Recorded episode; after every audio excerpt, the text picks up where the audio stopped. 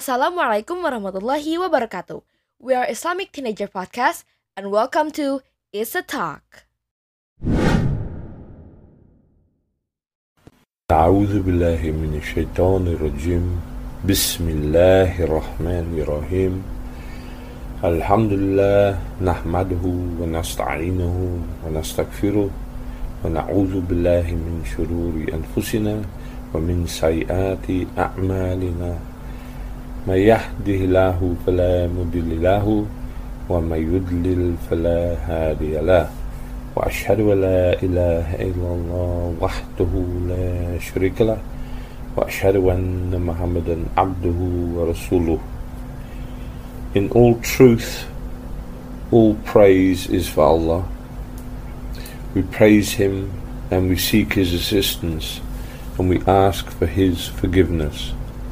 And we seek refuge in Allah from the evils of ourselves and from the evils of our actions. Whoever Allah guides, there is no one that can lead him astray, and whoever is led astray, there is no guidance for him. I bear witness that there is no deity that has the right to be worshipped except Allah, alone and with no partner. And I bear witness that Muhammad is his slave and messenger. Amma ba'd, to proceed. We will now continue with chapter 11, Grave Worship. Throughout much of human history, honoring the dead through elaborate burial rites, ornate tombs, and decorated graves, along with festivals of commemoration and adoration, has led to great confusion and misguidance in religion. As a result, much of mankind has become involved in some form of grave worship. In fact, the religion of most Chinese, who represent approximately a third to a quarter of mankind, is ancestor worship. Most of their religious rites are connected with graves and the worship of representations of their ancestors. The graves of holy or saintly men among Hindus, Buddhists, and Christians have become shrines where rites of worship like prayer, sacrifice, and pilgrimage are performed on a large scale. With the passage of time, Muslim rulers and the masses strayed away from the fundamental principles of the Islamic creed and began to imitate the pagan practices of the non Islamic nations around them. Huge edifices were built over the graves of the Sahaba, like Ali, major jurists like Imam Abu Hanifa and Imam Ash-Shafi'i, and those designated as Sufi saints like Junaid and Abdul Qadir Jailani. In more recent times, this practice of building shrines included even the graves of leaders of social movements like Muhammad Ali Jinnah, the founder of Pakistan, and Muhammad Ahmad, the so called Mahdi of the Sudan. Today, many ignorant Muslims travel vast distances in order to perform religious rites of tawaf around these tombs. Some even make prayer inside and outside of them, and other piously bring sacrificial animals to these cursed sites in order to perform the rites of dhabh, ritual sacrifice there. Most of those who perform rites of worship at graves hold the false belief that the righteous among these dead people are so close to Allah that all acts of worship done in their vicinity will more likely be accepted by Allah than if they were done elsewhere. That is, since these dead individuals were blessed, all that is near them must also be blessed. Their tombs and even the land on which they are built must be permeated with the overflow of their surplus blessing. Because of this belief, grave worshippers often wipe the walls of graves, then wipe it on themselves in order to collect extra blessings. Often they collect the earth in the vicinity of the graves in the vain belief that the earth has special healing powers due to the effect of the blessings manifest in those buried there. Many among certain branches of the Shiites collect clay from Karbala, where Imam Hussein was martyred, and bake them to make small tablets on which they prostrate during their salah. Prayers to the dead. Those who practice grave worship direct prayers to the dead in two ways. Firstly, some use the dead as intercessors. They pray to them in the way that Catholics use their priests in the confession of their sins. Catholics confess their sins to their priests, and the priests ask God's forgiveness for them. Thus, the priests act as middlemen between the people and God. The pre Islamic Arabs viewed their idols in a similar way. With regard to the purpose of their idols, Allah quoted the pagan Arabs as saying, ما نعبدهم إلا ليقربونا إلى الله زلفى We only worship them so that they may bring us closer to Allah. Surah Az-Zumar, Ayah 3. some grave worshippers among Muslims pray to the dead, asking them to convey their requests to Allah for the fulfillment of their needs. This practice is based on their belief that righteous dead people are not only closer to Allah than they are, but also that they are capable of hearing any man's request and fulfilling it even after their death. Thus the dead become idle intermediaries capable of doing favors for the living. Secondly, others pray directly to the dead begging them forgiveness for their sins. In so doing, they give dead humans Allah's attribute of being a tawwab, the one to whom repentance is due, as well as that of being al-ghafur, the only one capable of forgiving sins. There is a strong similarity between their practice and that of the Catholics among Christians who call on special saints for the fulfillment of their daily needs. For example, if something is lost, Saint Anthony of Thebes is prayed to in order to help find it. Saint Jude Thaddeus is the patron saint of the impossible and is prayed to for intercession in incurable illnesses, unlikely marriages, or the like. If someone is setting out on a journey, Saint Christopher, the patron saint of travelers, used to be prayed to for protection up until 1969, when he was officially struck off the list of saints by papal decree, after it was confirmed that he was fictitious. Included in this category are Christians in general with regard to Prophet Jesus who they consider to be God incarnate. Most Christians pray to Jesus instead of God. There are many ignorant Muslims throughout the world who direct their prayers to the Prophet Muhammad wasallam in this fashion. Both methods of grave worship are totally rejected by the teaching of Islam, which hold that one who dies enters the dimension called the barzakh where his deeds come to an end. He is unable to do anything for the living, though the results of his deeds may affect the living and continue to earn reward or punishment for himself. Abu Huraira anhu reported Allah's Messenger wasallam as saying, When a man dies, his good deeds come to an end, except in three ways charity of continuing benefit, knowledge beneficial to people, and a righteous child who prays for him. The Prophet sallallahu alaihi wasallam also took great pains to explain that he could not benefit anyone in this life, regardless of their closeness to him. Allah subhanahu wa ta'ala commanded him in the Quran to say to his followers, قل لا أملك لنفسي نفعا ولا ضرا إلا ما شاء الله ولو كنت أعلم الغيب لاستكثرت من الخير وما مسني السوء إن أنا إلا نذير وبشير لقوم يؤمنون I have no power to bring good or avert harm even regarding myself, except as Allah wills.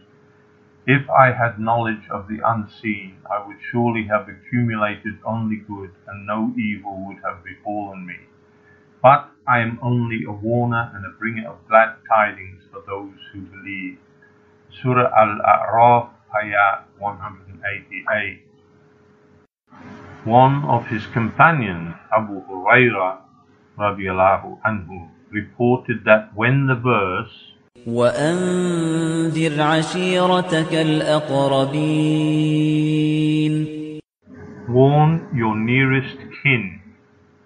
Surah Ash-Shu'ara, Ayah 214, was revealed to the Prophet. He, sallallahu alayhi wasallam, said, O people of Quraysh, secure deliverance from Allah by doing good deeds. I cannot avail you at all against Allah, O sons of Abdul Muttalib. I cannot avail you at all against Allah, O my uncle Abbas ibn Abdul Muttalib, O my aunt Safiyyah. I cannot avail you at all against Allah, O Fatima, daughter of Muhammad. Ask me whatever you like, but I have nothing which can avail you against Allah. On another occasion, one of the Prophet's companions, anhu, concluded his statement to the Prophet wasallam with the phrase, "It is what Allah wills and what you will." The Prophet wasallam immediately corrected him, saying, "Are you making me an equal to Allah? Say it is what Allah alone wills." In spite of this clear indication that the Prophet wasallam has no power to change what Allah has destined, many Muslims not only pray to him for help, but also pray to a hierarchy of saints. This heretical practice is based on the claims of mystics, that is, Sufis, that the cosmic order is preserved by a fixed number of saints called Rijal al-Ghaib, the men of the unseen world. When a holy man among them dies, his place is immediately filled by a substitute. At the peak of the hierarchy is the Qutb, people or mystic axis of the world, or the Ghawth, succour. Abdul Qadir Jailani is popularly referred to as Al-Ghawth Al-A'zam, Ghawth Al-Azam, the greatest source of help. And in times of calamity, many turn to him for help, crying out, Ya Abdul Qadir Aghisni, or Abdul Qadir save me. Such unmistakable pronouncements of shirk are common even though practicing Muslims repeat at least 17 times per day in their daily prayers the phrase wa You alone do we worship and from you alone do we seek help. Both using the dead as intercessors and praying to them directly contain the grave sin of shirk, which Islam vigilantly opposes, yet both methods have managed to creep into the religious practices of the masses of Muslims today in one form or another.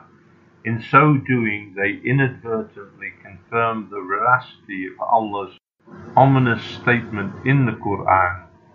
وما يؤمن أكثرهم بالله إلا وهم مشركون Most of them claim belief in Allah while committing shirk.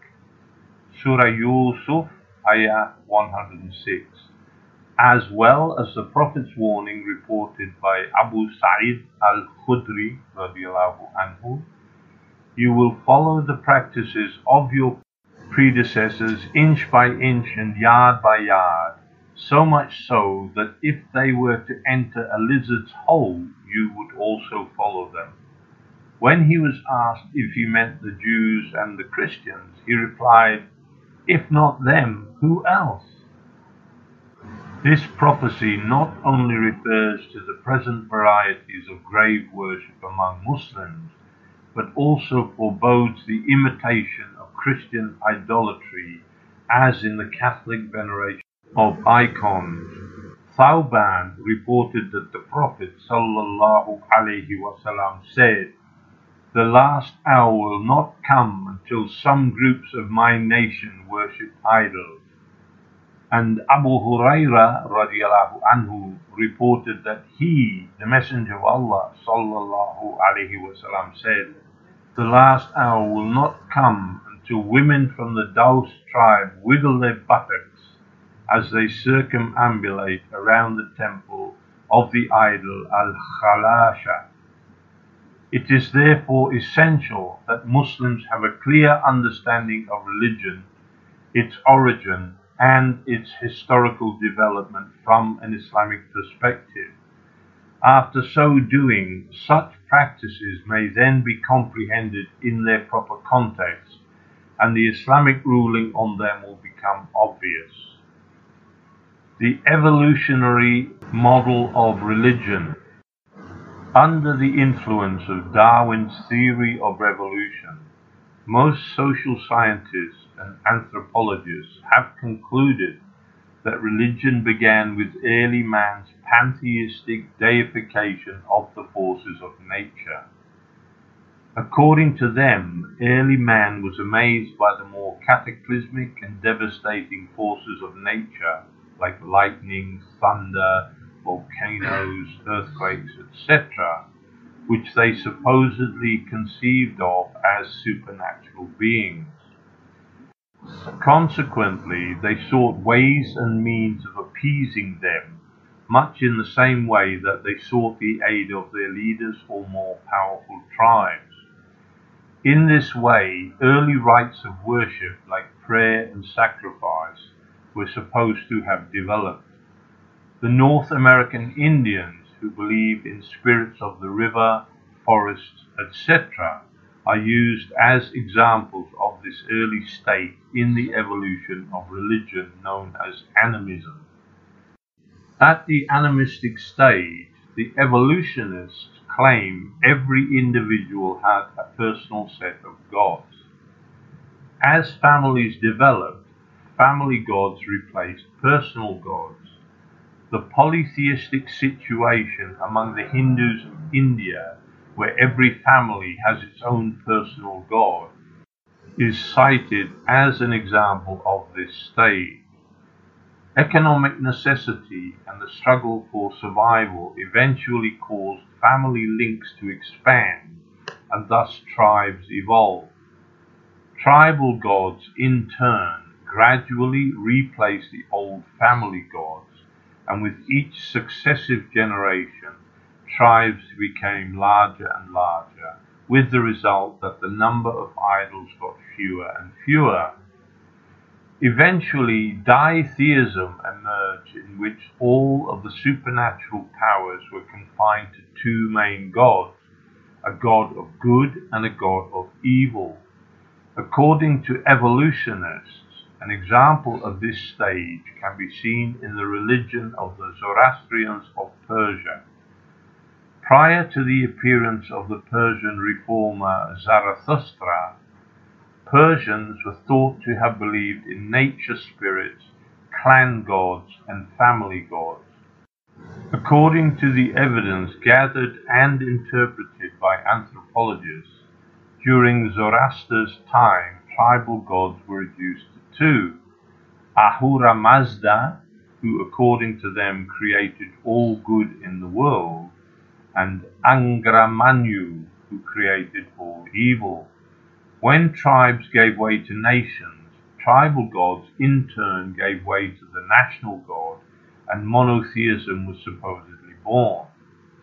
The God of Israel, as portrayed in the Old Testament, is a national entity, fighting on their behalf against their foes.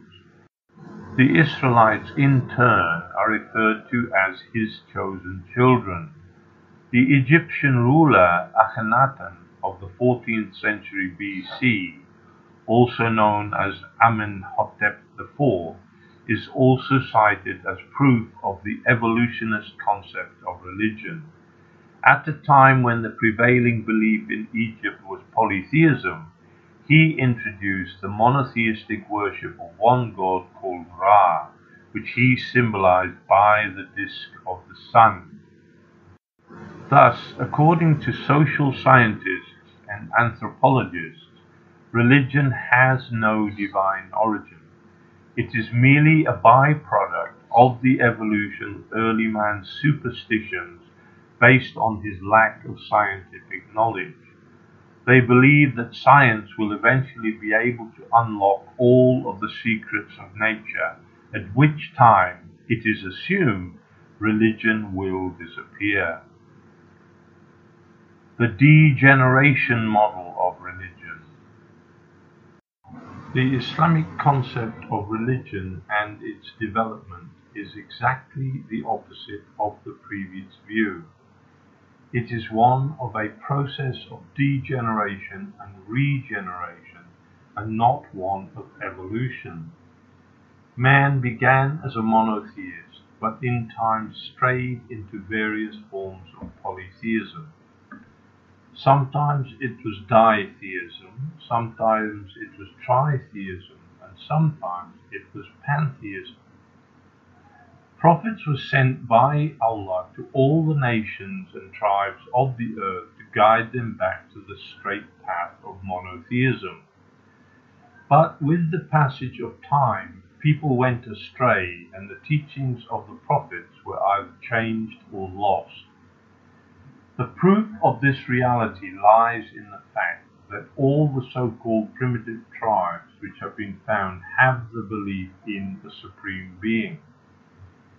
No matter what their stage of religious development may have been according to the evolutionary theory, most believe in a supreme God over all the other gods or spirits. From Itzamna, the creator god of the Central American Mayans, to Ngewo, creator of the universe and spirits of the Sierra Leone Mende, and from the Hinduism's Brahma, the impersonal absolute, to Marduk, the ancient city deity of Babylon and supreme god of the pantheon, the supreme being can be clearly seen, even in the ditheism of the Zoroastrians. Ahura Mazda, the god of good, is greater than Angra Mainyu, and the day of judgment, according to their beliefs, is the day when Ahura Mazda defeats Angra Mainyu so Ahura Mazda is really the supreme god. According to the evolutionary model, this should not be the case, as the belief in one supreme god supposedly grew out of limited polytheism and could not coexist with animism. However, the concept of a single supreme being remains in most religions as evidence that the masses strayed away from the monotheistic teachings of prophets by giving some of God's attributes to other aspects of creation, which came to be regarded as lesser gods in some cases and as intercessors in others. Another proof of the correctness of the degeneration model can be found in the historical transition of monotheistic Judaism into polytheistic Christianity. Monotheism taught by Prophet Jesus first degenerated into ditheism according to those who held that Jesus was not God the Father, but a created divine Son. This was also the case among Greeks who identified Jesus as the Logos, found in the philosophies of Anaxagoras through to Aristotle. Later, it further degenerated into tritheism among the Romans, who officially sanctioned the Trinitarian concept. Finally, it degenerated into full fledged polytheism in the Roman Catholic Church, where Mary and a series of so called saints were given the powers of intercession and protection. Similarly, if we look at the pure and final message of Islam as brought by the last prophet Muhammad sallallahu alaihi wasallam and compare it with the present day beliefs among many Muslims, we find that a degeneration of beliefs and practices has also occurred. The pure monotheism of early Islam has degenerated over the ages. Among the various sects which have arisen, Allah's attributes have been given to the Prophet sallallahu alaihi wasallam, his descendants, as well as to pious and impious individuals designated as saints among later generations. The Darwinian concept of organic evolution proposes that all life forms in existence today evolved from single celled amoeba like organisms. These simple life forms later developed into increasingly complex forms due to their struggle for survival.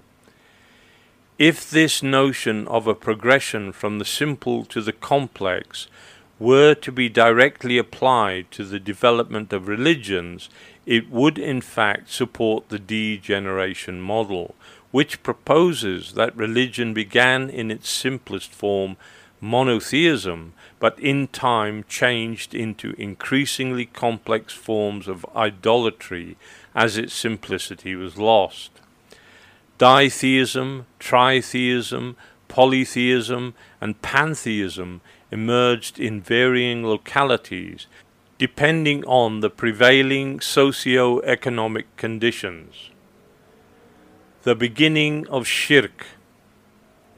Prophet Muhammad sallallahu alaihi wasallam described in vivid detail exactly how polytheism first found its way among mankind after eons of monotheism which began with Prophet Adam alayhi salam. The Prophet's companions related the picture to us in their explanation, tafsir, of verse 23 of Surah Nuh, where Allah subhanahu wa ta'ala describes the reaction of Prophet Nuh's people when he invited them to the worship of only one God.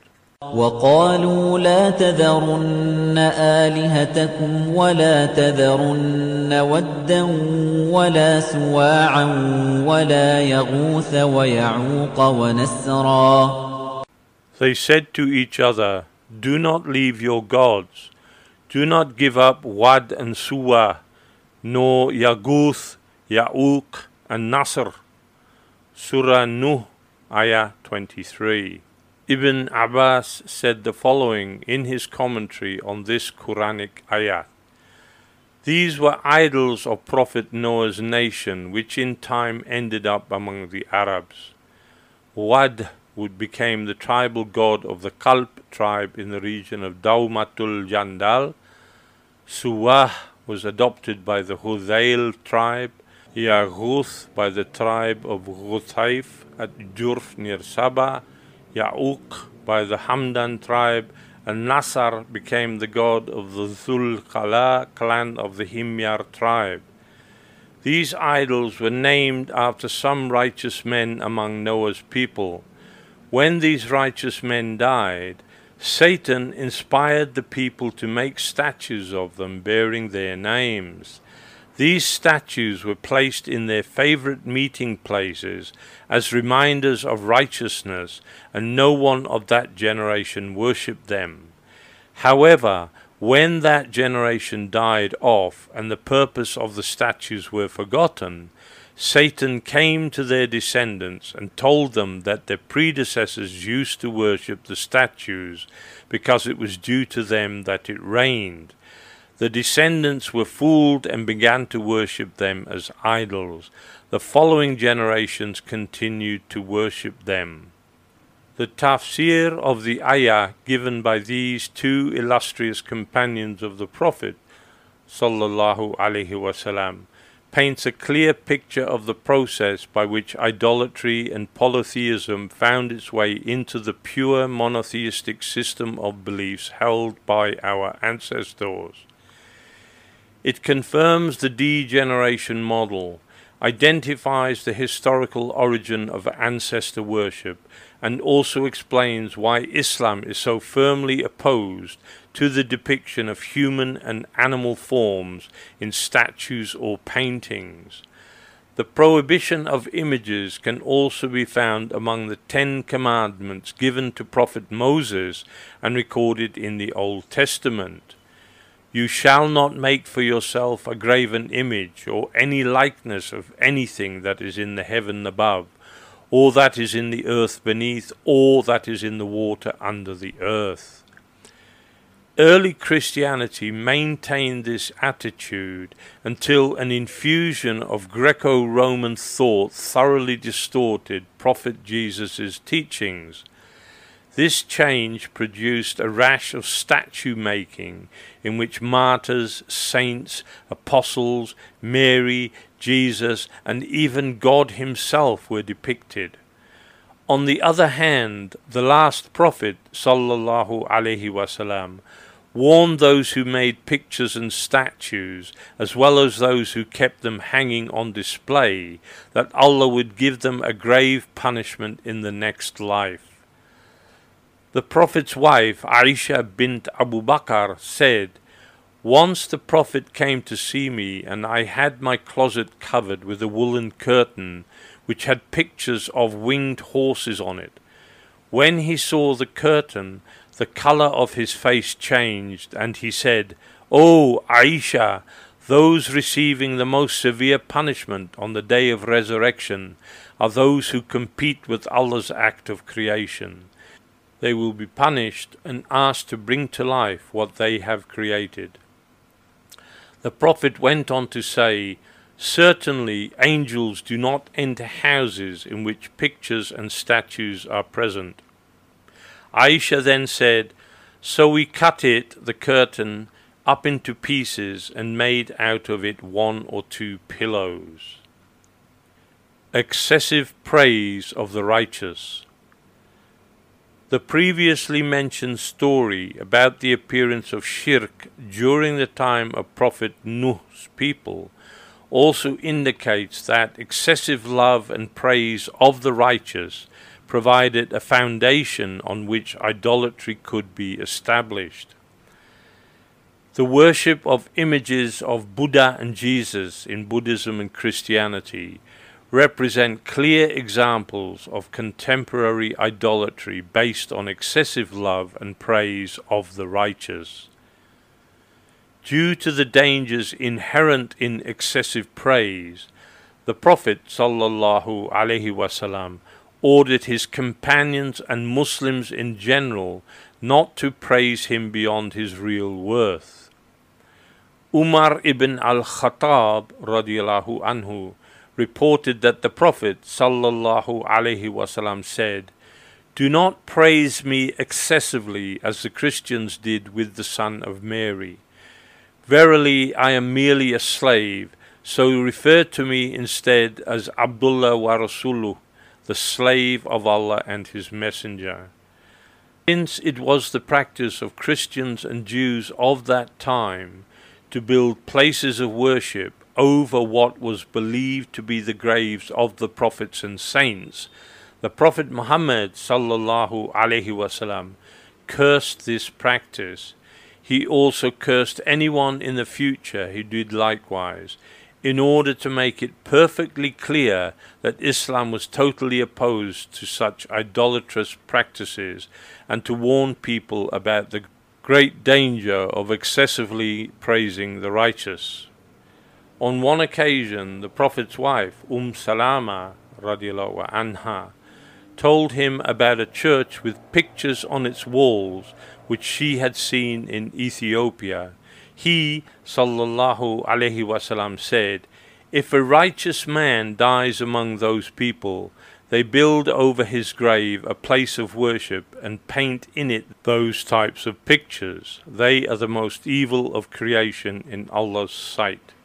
It is worth noting that Umm Salama's mention of the church to the Prophet sallallahu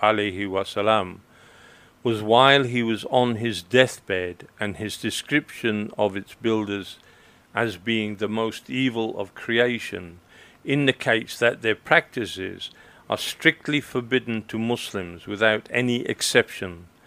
The reasons for them being so severely cursed by the Prophet sallallahu alaihi wasallam is due to the fact that this practice of their combined two major sources of idolatry firstly, erecting edifices over graves, and secondly, making images.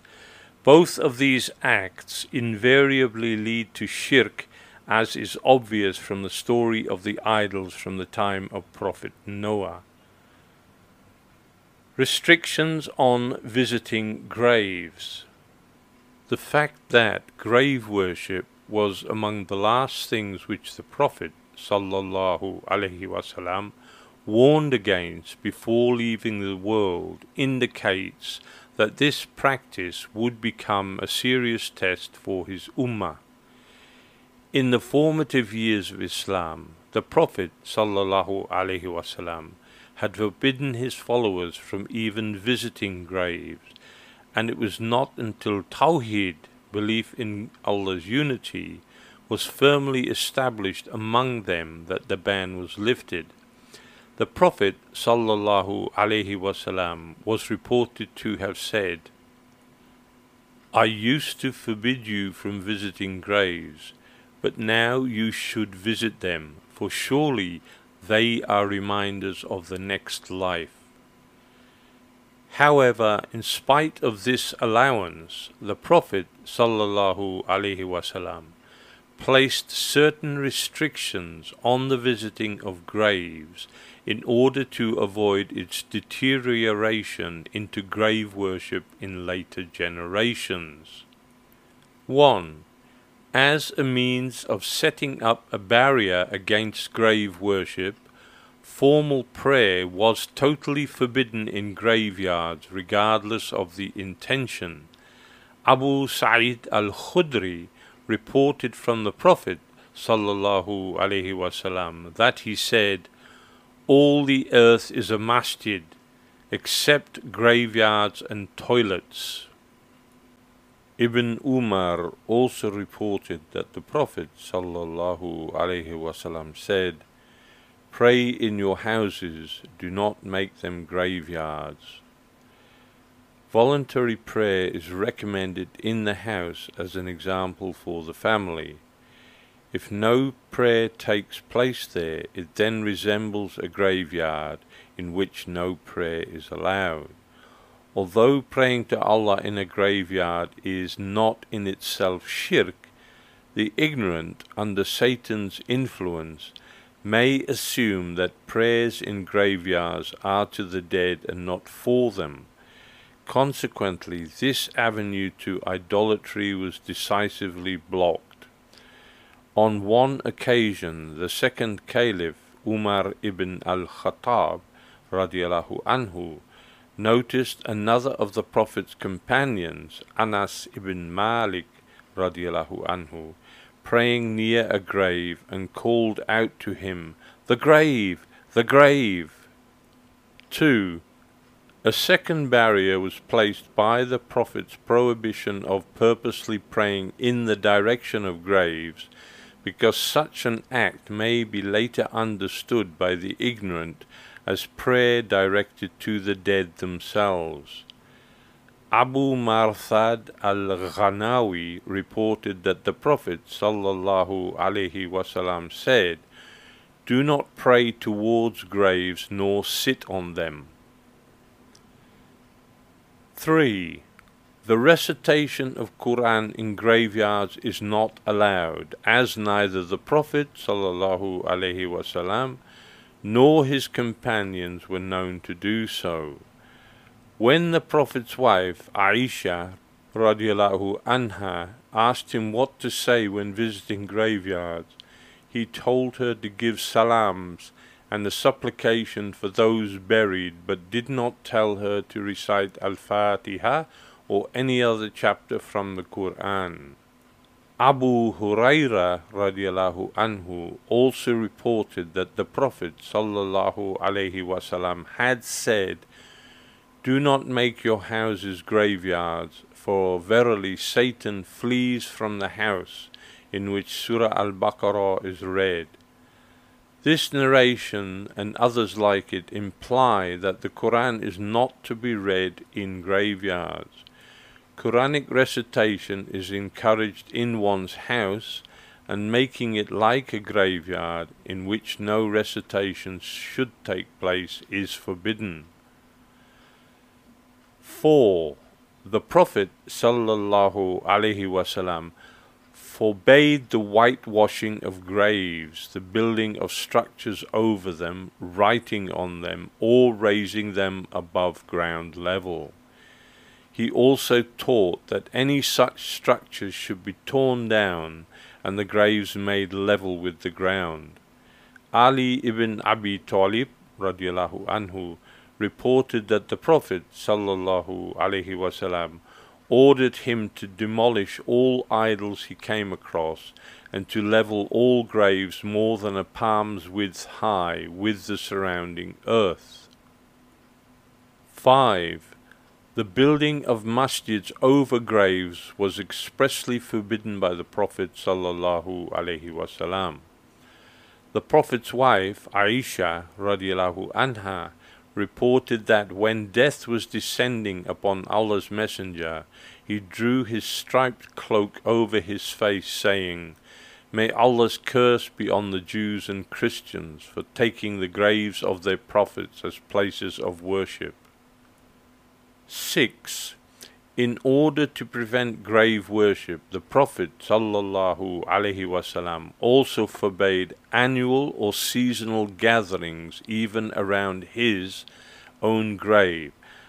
Abu Huraira radiallahu anhu reported that he sallallahu alaihi wasallam said, "Do not make my grave an Eid, a place of celebration." nor make your houses graveyards, and ask Allah's blessings for me wherever you may be, for they will reach me. 7. Setting out on journeys to visit graves was also forbidden by the Prophet wasallam. This practice forms the basis of idolatrous pilgrimages in other religions. Abu Huraira and Abu Sa'id al-Khudri, may Allah be blessed with them, both reported that Allah's Messenger sallallahu alaihi wasallam said, "Do not travel except to three masjids: Masjid Haram, the Kaaba in Mecca, the Masjid of the Messenger, and Al-Aqsa Masjid." While returning from a trip, Abu Bashra al-Ghifari met Abu Huraira and the latter asked him where he was coming from. Abu Bashra replied that he was coming back from At-Tur where he had made prayer. Abu Huraira radiallahu anhu said, If only I had caught you before you left, for I heard Allah's Messenger sallallahu alaihi wasallam say, do not travel to other than three masjids. Taking graves as places of worship. Ibn Mas'ud reported that the Prophet wasallam said, "The most evil of mankind are those who will be alive when the last day arrives, and those who take graves as places of worship." Jundub ibn Abdullah reported that five days before the Prophet's death he heard him say, Those before you took the graves of their prophets as places of worship. Do not take graves as places of worship, for verily I forbid you to do so. After understanding clearly from the previous hadith that taking graves as places of worship is forbidden by the Prophet sallallahu alaihi wasallam, it is necessary to define exactly what is meant by the phrase taking graves as places of worship. There are three possible meanings which can be deduced from the phrase in Arabic. Firstly, making prayer or sujud on or towards a grave. Praying on the grave is forbidden explicitly in Ibn Abbas's hadith in which the Prophet wasallam said, "Do not pray towards graves nor sit on them." As well as the hadith narrated by Abu Marthad mentioned earlier. Secondly, building a masjid over a grave or putting a grave in a masjid. Building masjids over graves is forbidden by Umm Salama's hadith in which the Prophet sallallahu alaihi wasallam explained that those who build places of worship over graves are the most evil of creation in Allah's sight. Placing a grave in a masjid was also forbidden according to Aisha's interpretation of the Prophet's final statement, May Allah curse a people who take their Prophet's graves as masjids. When the suggestion was made to bury the Prophet wasallam in his masjid, she opposed it based on the Prophet's last words. Thirdly, praying in a masjid containing a grave. Praying in a masjid built over a grave is forbidden because it is a natural consequence of the prohibition placed on building masjids over graves. The prohibition of a path necessarily prohibits what is at the end of the path. For example, the Prophet wasallam forbade wind and stringed musical instruments, ma'azif. Abu Malik al-Ash'ari reported that he heard the Prophet sallallahu wasallam say, There will be among my followers those who make allowable fornication and adultery, the wearing of silk for men, taking intoxicants and musical instruments. Both the playing of these instruments and listening to music are automatically prohibited as they are the purposes for which musical instruments are made. Similarly, neither the prohibition on building masjids over graves nor the order to build them elsewhere is aimed at the act of construction, for building is in itself permissible. It is, in fact, aimed at the performance of salah in them, which is the purpose for which they are built. Thus, the prohibition of building masjids on graves automatically implies the prohibition on salah in such masjids. Masjids with graves. Such masjids are of two types with regard to their origin. A. Masjid built over a grave, and B masjid in which a grave has been put some time after its construction. Naturally, there is no difference between the two as far as Salah is concerned. In both cases, Salah in them is despised if no regard is paid to the grave, and haram if Salah to the grave is intended. However, the method of correcting such masjids varies according to their origin. Firstly, a masjid built over a grave should be demolished and the grave levelled if it has a structure over it. Because such a masjid was originally a grave, it should be returned to its original state. Secondly, a masjid in which a grave has been placed should be left intact, but the grave should be removed. In this case, the masjid was originally a masjid and not a grave, Thus, it should be returned to its original state. The Prophet's Grave The presence of the Prophet's grave in his masjid in Medina can neither be used to justify the placing of bodies in other masjids, nor the building of masjids over graves. The Prophet sallallahu alaihi wasallam did not order that he be buried in his masjid, nor did his companions put his grave into the masjid. The companions of the Prophet wisely avoided burying the Prophet wasallam in the local graveyard for fear that later generations would become overly attached to his grave. Umar, the freed slave of Ghafra, related that when the Sahaba gathered to decide on the Prophet's burial, one said, Let us bury him in the place where he used to pray. Abu Bakr radiallahu anhu replied, May Allah protect us from making him an idol to be worshipped. Others said, Let us bury him in Al-Baqi, a graveyard in Medina, where his brothers among the Muhajirin are buried. Abu Bakr replied, Verily, burying the Prophet in Al-Baqi is detestable because some people may try to seek refuge in him, which is a right belonging only to Allah. So if we take him out to the graveyard, we will ruin Allah's right, even if we carefully guard the messenger's grave. They then asked, What is your opinion, O Abu Bakr?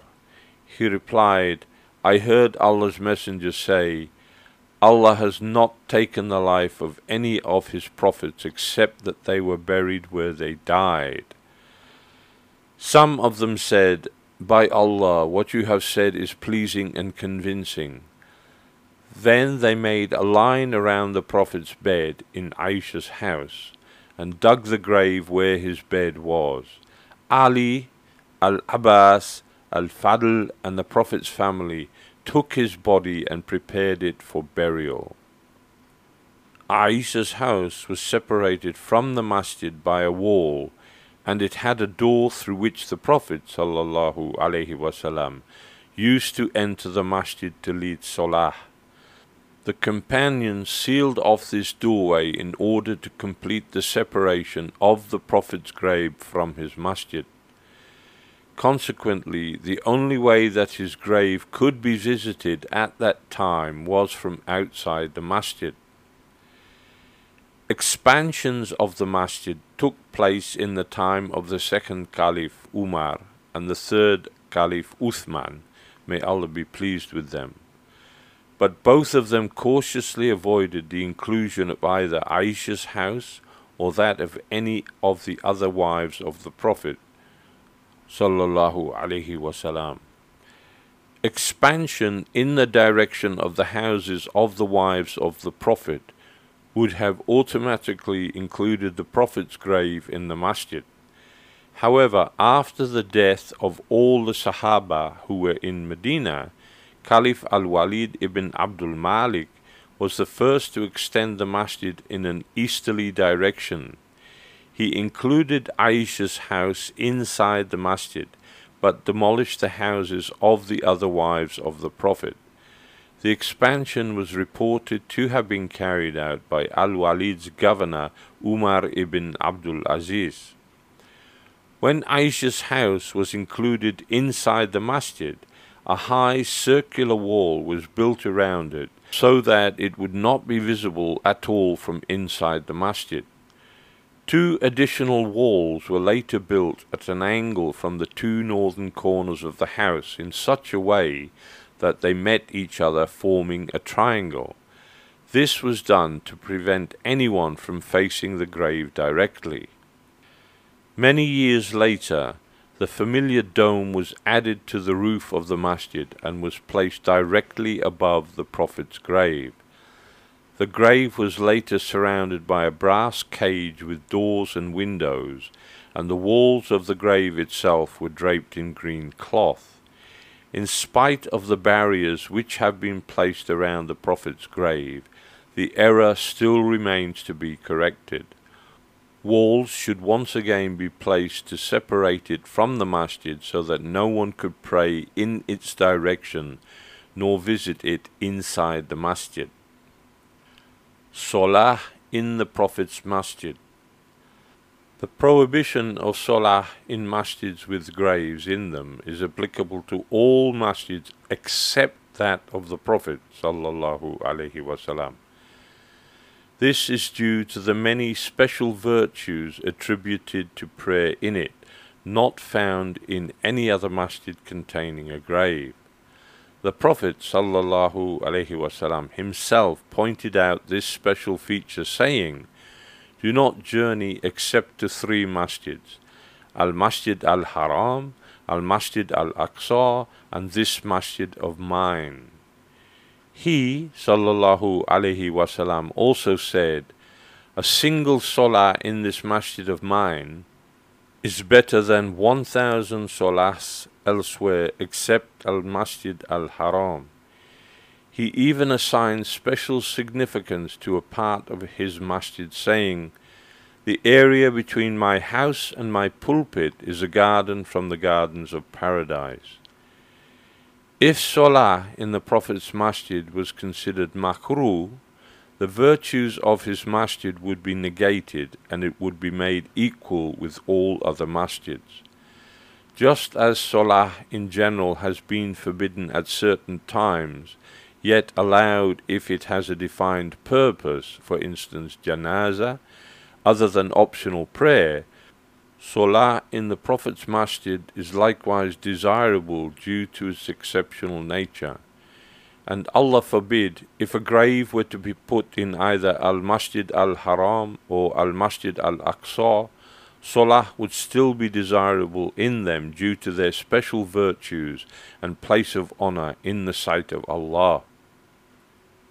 Conclusion True faith of a standard acceptable to Allah has to be based on Tawheed free from shirk as stated in the Quran and Hadith and outlined in detail in the preceding chapters. Anything less than that represents an aspect of idolatry and or disbelief, regardless of how firmly those who join partners with Allah profess their faith in Him or how skillfully they rationalize their unsanctioned practices. Allah's unity must be maintained spiritually, intellectually, and practically in all facets of human life within which the pleasure of Allah is sought.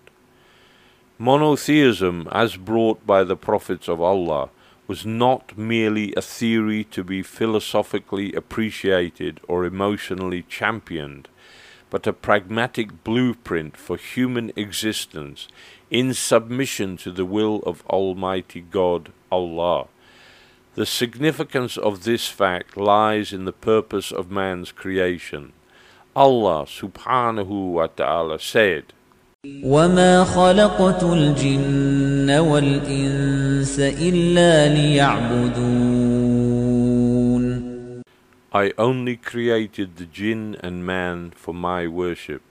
Surah Al-Dhariyat Ayah 56. However, the creation of man is itself a manifestation of Allah's perfect attributes. He is the creator, Al-Khaliq, and thus man was brought into existence from non-existence. He is the most merciful, Ar-Rahman, and thus the pleasures of this world were granted to him.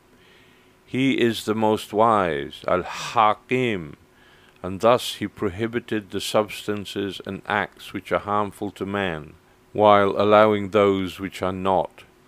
He is the most forgiving, Al-Ghafur, and thus he pardons those who turn to him in sincere repentance.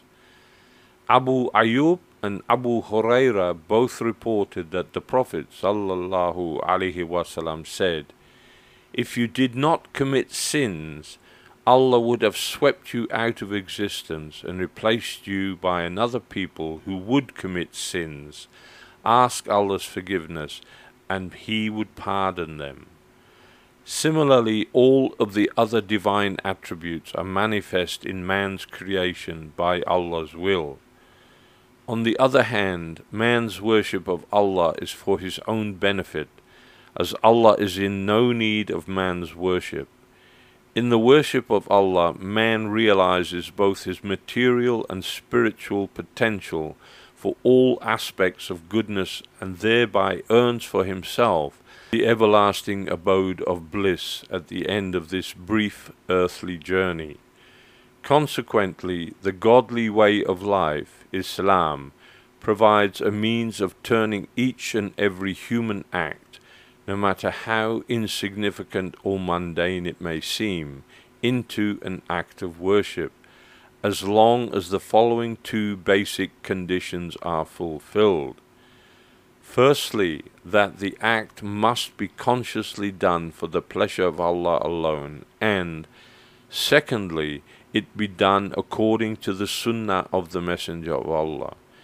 Man's whole life can enter completely into the service of Allah as He, Anahu wa Ta'ala, prescribed. قل إن صلاتي ونسكي ومحياي ومماتي لله رب العالمين Say, truly, my prayer, my sacrifice, my life, and my death are all for Allah, Lord of all the worlds. Surah Al-An'am, Ayah 162.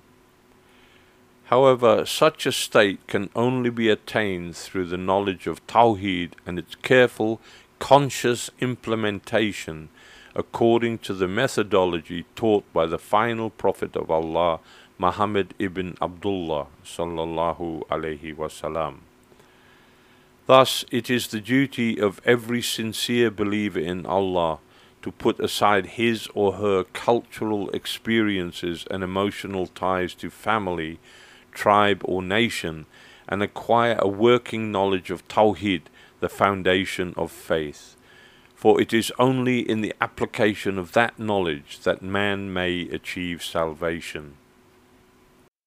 سبحانك اللهم وبحمدك أشهد أن لا إله إلا أنت أستغفرك وأتوب إليك Glory is to you, O Allah, and praise. I bear witness that there is none worthy of worship but you. I seek your forgiveness and turn to you in repentance.